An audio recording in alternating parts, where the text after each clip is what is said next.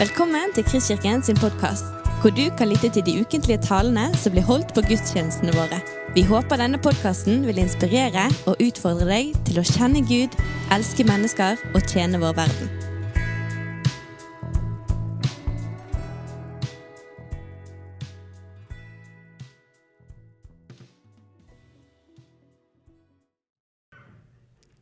Du, jeg går rett på sak og spør.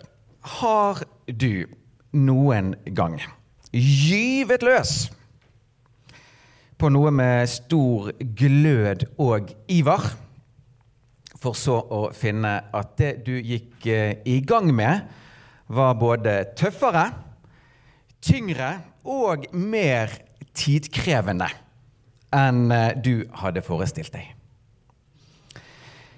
Det kan være det berget i hagen du bare skulle fjerne. Eh, steinmuren rundt huset du bare skulle bygge. Fjellturen du bare skulle gå. Hyttetaket du bare skulle skifte. Eller arbeidsplassen du bare skulle forvandle. I så fall, velkommen til andre Timoteus brev. Historien er denne. På sin eh, andre misjonsreise møtte Paulus en ung disippel som heter Timoteus.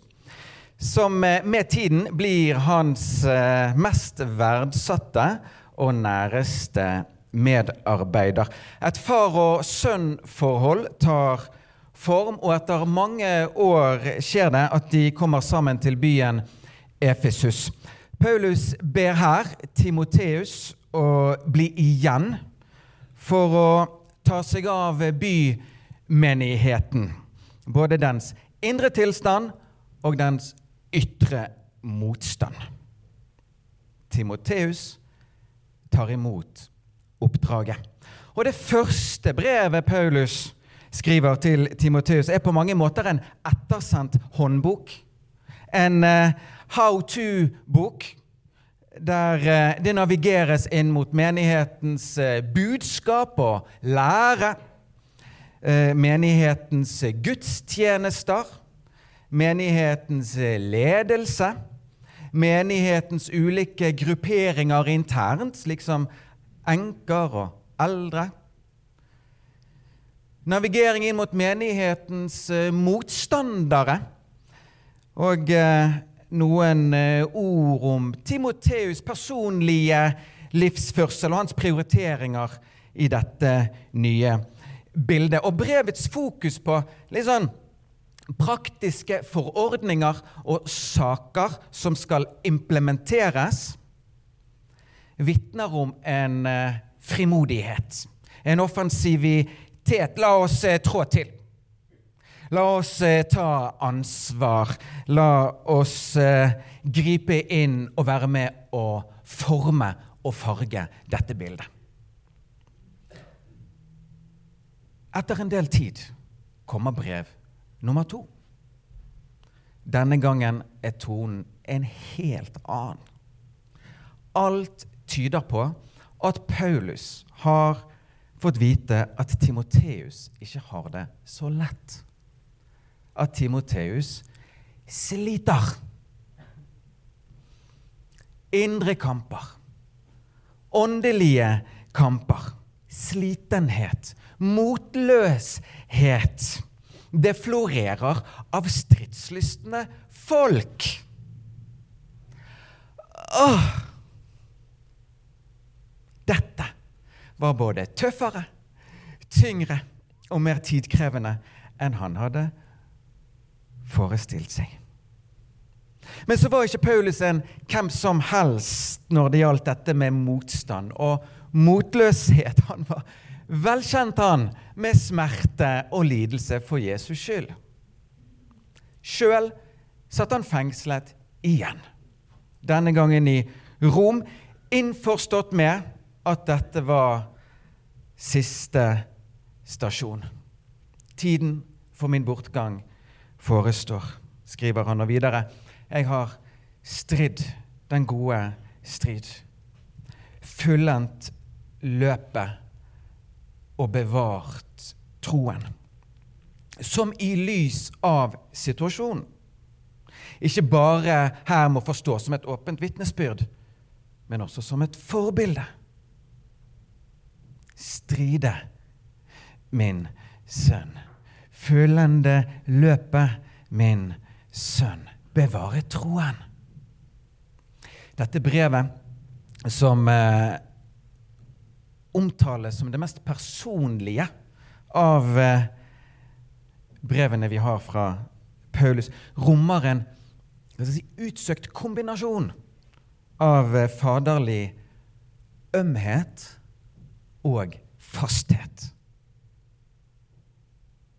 Det mangler ikke på tårer og hjertelag men det er som om dette brevet er fra en erfaren arbeidsokse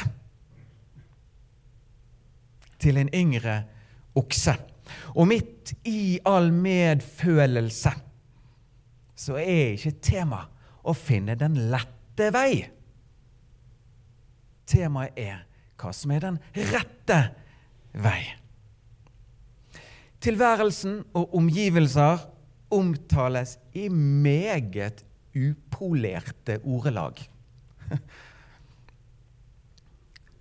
Brevet er kjemisk fritt for luftige løfter om at det går seg nok til. Tvert imot innstiller Paulus Timoteus på at dette blir sannsynligvis bare verre. Brevet handler om å tåle, om å lide, om å stå fast og å holde ut. Men hva gjør man når man ikke kan forvente lettelser i omgivelsene, og oksen tynges ned? Da må oksen bygges opp. Om ikke endring skjer rundt han, må endring skje i han. Og I dette andre brevet søker derfor Paulus å støtte, styrke og tilføre mot og perspektiver til Timoteus. La oss lese dagens tekst. Andre Timoteus, kapittel 1, vers 1 7. Og som en liten parentes, merk hvilken omsorg og nærhet som skinner igjennom helt her i innledningen. Paulus, ved Guds vilje, Kristi Jesu apostel, til å forkynne løftet om livet i Kristus Jesus til Timoteus, min kjære sønn. Nåde, miskunn og fred fra Gud, vår Far, og Kristus Jesus, vår Herre. Jeg takker Gud, som jeg fra mine forfedre av tjener, med en ren samvittighet, når jeg stadig minnes deg i mine bønner, natt og dag. Når jeg minnes dine tårer, lengter jeg etter å se deg igjen, så jeg kan bli fylt med glede. For jeg er blitt minnet om din oppriktige tro, den som bodde først i din mormor Louise og i din, mormor Euni, og i din mor Eunike, og som jeg er viss på også bor i deg. Derfor minner jeg deg om at du igjen opptenner den Guds nådegave som er i deg ved min hånds påleggelse. For Gud ga oss ikke motløshetsånd, men krafts- og kjærlighets- og sindighetsånd.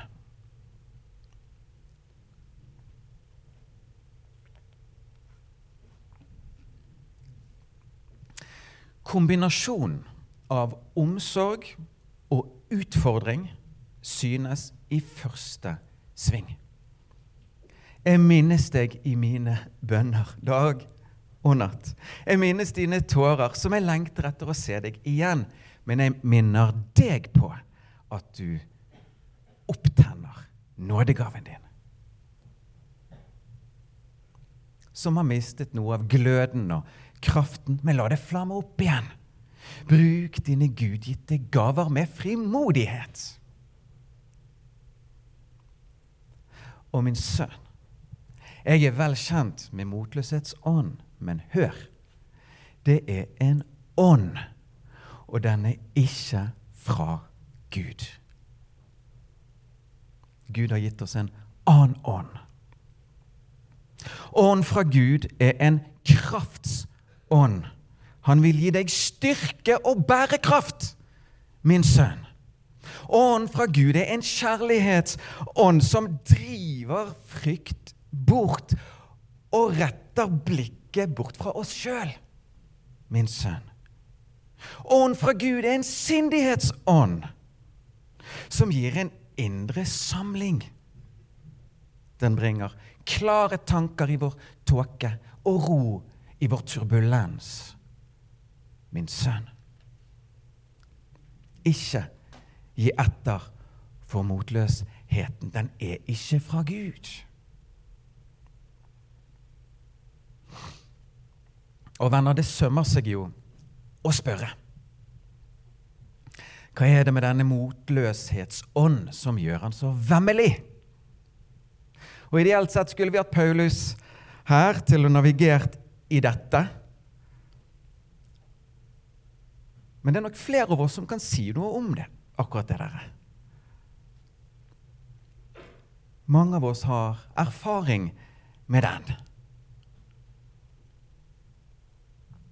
Og greien er, kjære venner, det er at motløshetsånd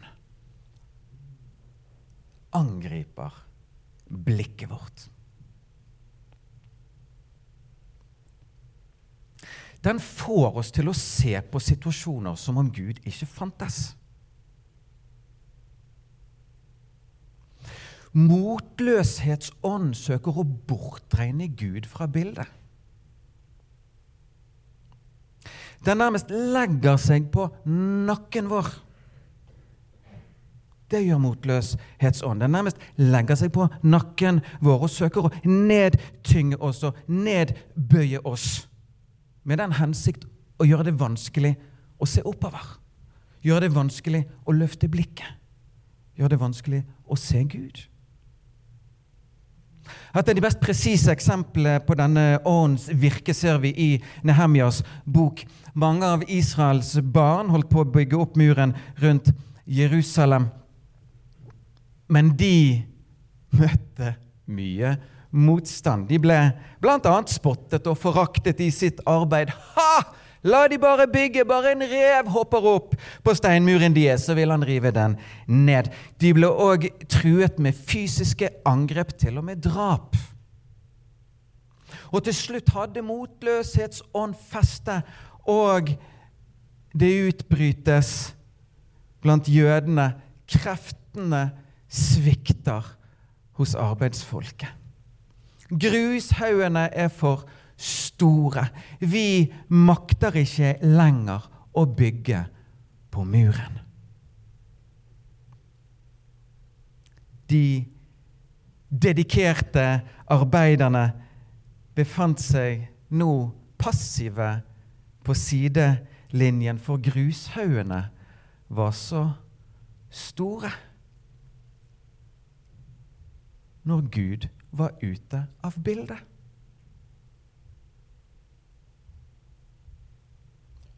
Nehemjas respons han introduserer Gud for de igjen. Vær ikke redd for de, tenk på Herren, den store og forferdelige, og kjemp for deres brødre, deres sønner og døtre, deres hustruer og deres hjem og alle vendte tilbake til sitt arbeid. Jødenes blikk ble umiddelbart endret, og med det meldte motivasjon seg på ny. Og jammen gjorde kreftene det òg. Mon tro om vi ikke her står overfor motløshetens motgift. Tenk på Herren. Så enkelt. Så avgjørende. Så utfordrende. Jeg nevnte for en tid tilbake at eh, vår datter på seks år har erfaring med at dette med å alltid tenke på Gud ikke er bare bare. Men hennes ord og råd til oss inn i situasjonen er jo bare velsignet og befriende. Av og til glemmer vi Gud. Men da kan vi bare komme på han igjen.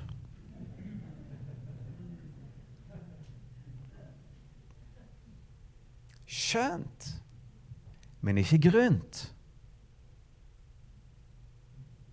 Jeg kommer tilbake til denne motgiften, men først la oss merke oss en ting med situasjonen i Nehemja.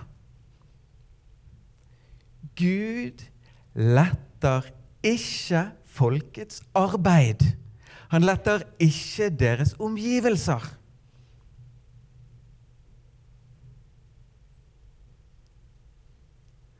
Hva gjør Gud når oksen tynges ned? Da styrker han han! Da styrker han oksen. Og venner, akkurat her, akkurat her er, kommer vi i kontakt med en av Bibels aller si, største årer. En av Bibels, Bibels aller rødeste tråder. Og klareste løfter. Relevant for Timoteus, men relevant for oss i dag. Gud forandrer ikke alltid vår fortvilte situasjon, men Gud vil gi styrke til sitt folk.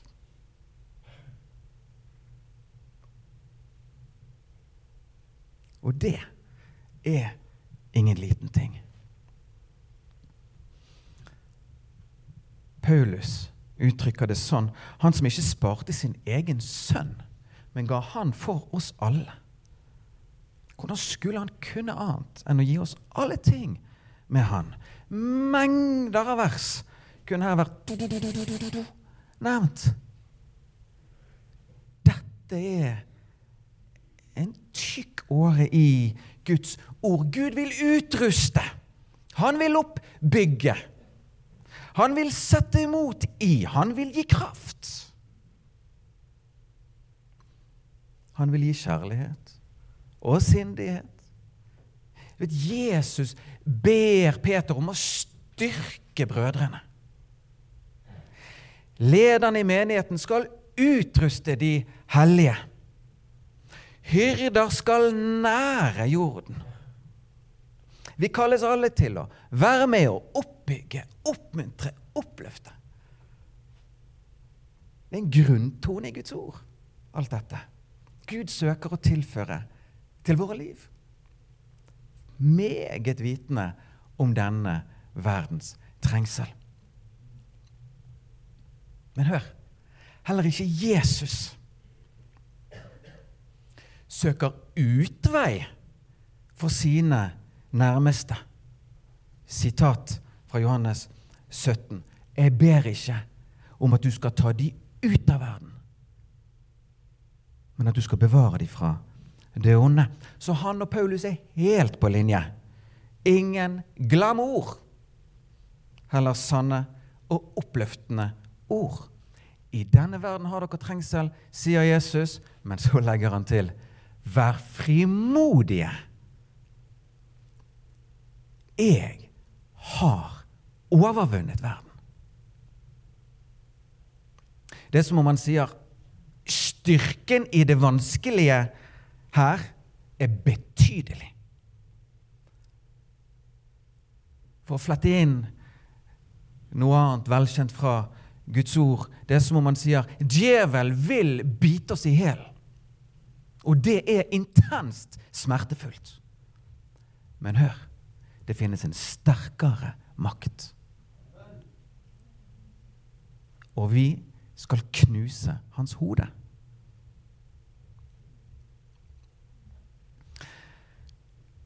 Hebreabrevets forfatter får på tre vers fram det som vi her er inne på, og klarer på merkverdig vis å nærmest favne hovedinnholdet i hele andre Timoteus brev på noen få setninger. Hør. Kapittel 12, de tre første versene. La oss legge av alt som tynger, og synden som henger så fast ved oss. Og La meg bare få smette inn en parentes med en gang. Dette er det som får oss til å bøye hodet. Dette er det som får oss nedbøyd. Det som tynger synden. La oss legge av alt som tynger, synden som henger så fast ved oss. Og hør kontrasten som nå kommer, som forutsetter et, en rak rygg og et hevet hode. Å løpe med tålmodighet i den kamp vi har foran oss, med blikket festet på Jesus, han som er troens opphavsmann og fullender. For å oppnå den glede som ventet ham, led han tålmodig på korset uten å akte vanæren, og har nå satt seg på høyre side av Guds trone. Ja, gi akt på Han som utholdt en slik motstand fra syndere, for at dere ikke skal gå trett i deres sjeler og bli motløse. Løft hodet. Løft blikket. Feste på Jesus. Ni stirr på Han for at dere ikke skal gå trett i deres sjeler og bli motløse.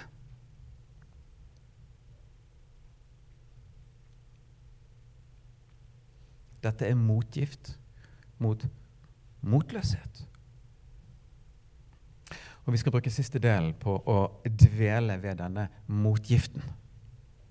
For Gud være takk. Veiene til nærkontakt og blikkontakt med Jesus Kristus er velkjente. Her går det gode, brede sauetråkk. Laget av Kirken gjennom århundrer. Oppriktige troende. Jeg vil kort trekke fram fire av de. Av disse velkjente tråkkene som leder til nærhet med Gud, til oppbyggelse og styrking, til, skal vi si, grønne enger og hvilens vann. En. La oss bekjenne våre synder for Gud og for hverandre. To. La oss lytte til Hans ord. Tre. La oss ta bolig i bønnens verden. Fire. La oss leve nær det kristne fellesskapet. For de fleste i denne salen er ikke dette ny viten, men for noen handler det kanskje om nye vaner. Først to ord om dette med bekjennelse av synd. Dere får prøve det jeg nå sier. Dere får egentlig prøve alt jeg sier, men ekstra mye nå. Jeg uroes av at vi i Kirken, altså Vestens kirke for å utvide det litt, snakker mer og mer om syn og mindre og mindre om synd. Det kan synes viktigere at våre syn skal bli forstått, enn at vår synd skal bli oss forlatt. Det kan synes viktigere å få bekreftet mitt syn enn å få bekjent min synd. Denne utviklingen er synd. Foruten forståelse av vår synd finnes heller ikke behov for forlatelse for han. Og hvor i all verden blir det av omvendelsen? Det er dumt å synde, men det er ikke dumt å ha språk for og kontakt med sin egen synd. Gud vet å bruke den til å gi økt nærkontakt med Frelseren vår. For hør, ved at jeg lever åpent og transparent med Han og åpent fremlegger min synd for Han, så åpner jeg meg samtidig for Hans tilførsel til meg. Det er det som skjer. Jesus sier dette at en, av Den hellige ånds oppgaver er å overbevise om hva i våre liv som er synd. Det har han ikke sluttet med. Og Skriften advarer mot å gjemme vår synd vekk, slik som Adam forsøkte å gjøre. Nei, fram med det! Bekjenn da syndene for hverandre, og be for hverandre. La oss legge av alt som tynger, og synden som henger så fast ved oss. Og i retur, kjære venner, så gir Gud en annen ånd. En seirende ånd. en krafts-, kjærlighets- og syndighetsånd. Bekjennelsen fungerer derfor som en motgift mot motløshet. Nummer to Guds ord. Maria satt ved Jesu føtter og lyttet til hans ord. Hennes aktive lytting avdekker en indre tørst og en åpenhet for han som han gladelig i møte kommer.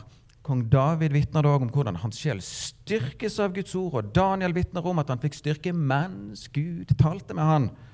Så han ville ha mer og sa, 'Tal, Herre, for du har styrket meg.' Gjennom sitt ord gir Gud oss en annen ånd, som bringer kraft, kjærlighet og sindighet. Guds ord er derfor en motgift mot motløshet. Tre. Bønn. Den som venter på Herren, får ny kraft, står det i Jesaja. Og jeg vil i dag sette ring rundt de to første ordene. Den som. Den som. Bibelen er full av den som og den som ikke. Vi velger oss sjøl inn i eller bort fra bønnens verden, som alltid står åpen for oss. Men i bønn skjer det en forening mellom Guds ånd og vår ånd. Det gir potensial for en veldig tilførsel og overføring som har kraft i seg til å endre våre liv. Som har kraft i seg til å styrke okser. I bønn er vi i kontakt med en annen ånd. En krafts-, kjærlighets- og sindighetsånd. I bønnens verden florerer det av motgift mot motløshet. Og til sist det kristne fellesskapet. Dere, jeg har sagt flere ganger, Hver fredag morgen samles en del av byens pastorer i dette bygget for å be for Bergen.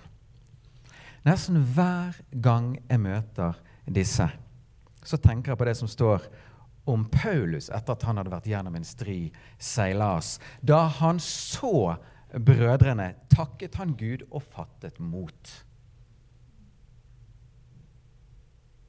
Hva er det med det kristne fellesskapet? Bare synet av trossøsken kan innsprøyte mot og løfte ens tro til Gud. Synet av. I så måte kan altså det kristne fellesskapet være en motgift mot motløshet. Gjennom andre bringer Gud til oss den ånd som gir kraft, kjærlighet og sindighet. Og venner, med glede skal vi i dette få ta imot. Vi kan få være en Timoteus. Men vi er ikke bare kalt til å ta imot, men også til å sette mot. Å være en Paulus i dette bildet. Som etter all sannsynlighet hadde sine egne ting å stri med i sitt fangenskap i Rom. Også Paulus fikk nok ganske sikkert jevnlige visitter av motløshetsånd.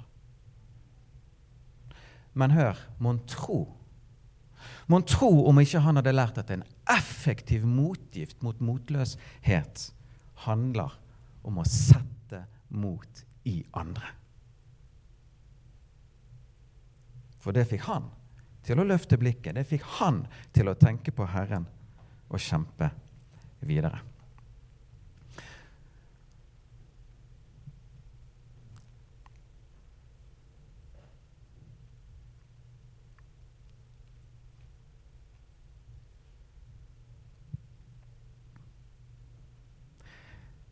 Så la dette her få være postludiet, som jeg nå skal si. Vi er nok mange som kan kjenne oss igjen i Timoteus, der vi har gyvet løs på saker og ting i Guds rike. Det være seg tros- og bønnekamper man har gitt seg til, det være seg arbeidsplassen man drømmer om å se pulsere av Guds rikes verdier, det være nabolaget man ivrer for, tjenesten man takket ja til, familiemedlemmer man vil be gjennom til frelse, eller noe helt annet. Og så er det, som Timoteus også opplevde, gjerne tøffere, tyngre og mer tidkrevende enn vi hadde sett for oss. Vi har alle våre grushauger. Da er det fantastisk, kjære venner, å ha folk rundt seg. Enten de heter Nehemja, Paulus eller Berit. Som med omsorg og fasthet vet å løfte vårt blikk, sette mot i oss og hjelpe oss til å se på Jesus og tenke på Gud. Om ikke det endrer vår byrde, så kan det endre vår styrke. Dette gjør det kristne fellesskapet til en fantastisk motgift mot motløshet. Så ta imot og gi mot. For Timoteus var nok det andre brevet midt i blinken. Og som Paulus overfor Timoteus kan også vi fungere overfor hverandre, der vi igjen og igjen holder fram for hverandre budskapet over alle budskap, som også lød på påskedag. Herren lever. Tenk på det. Du har lyttet til en podkast fra Kristkirken i Bergen. Vi håper du har blitt inspirert og utfordret i din vandring med Gud. Vil du vite mer om oss, så klikk deg inn på kristkirken.no.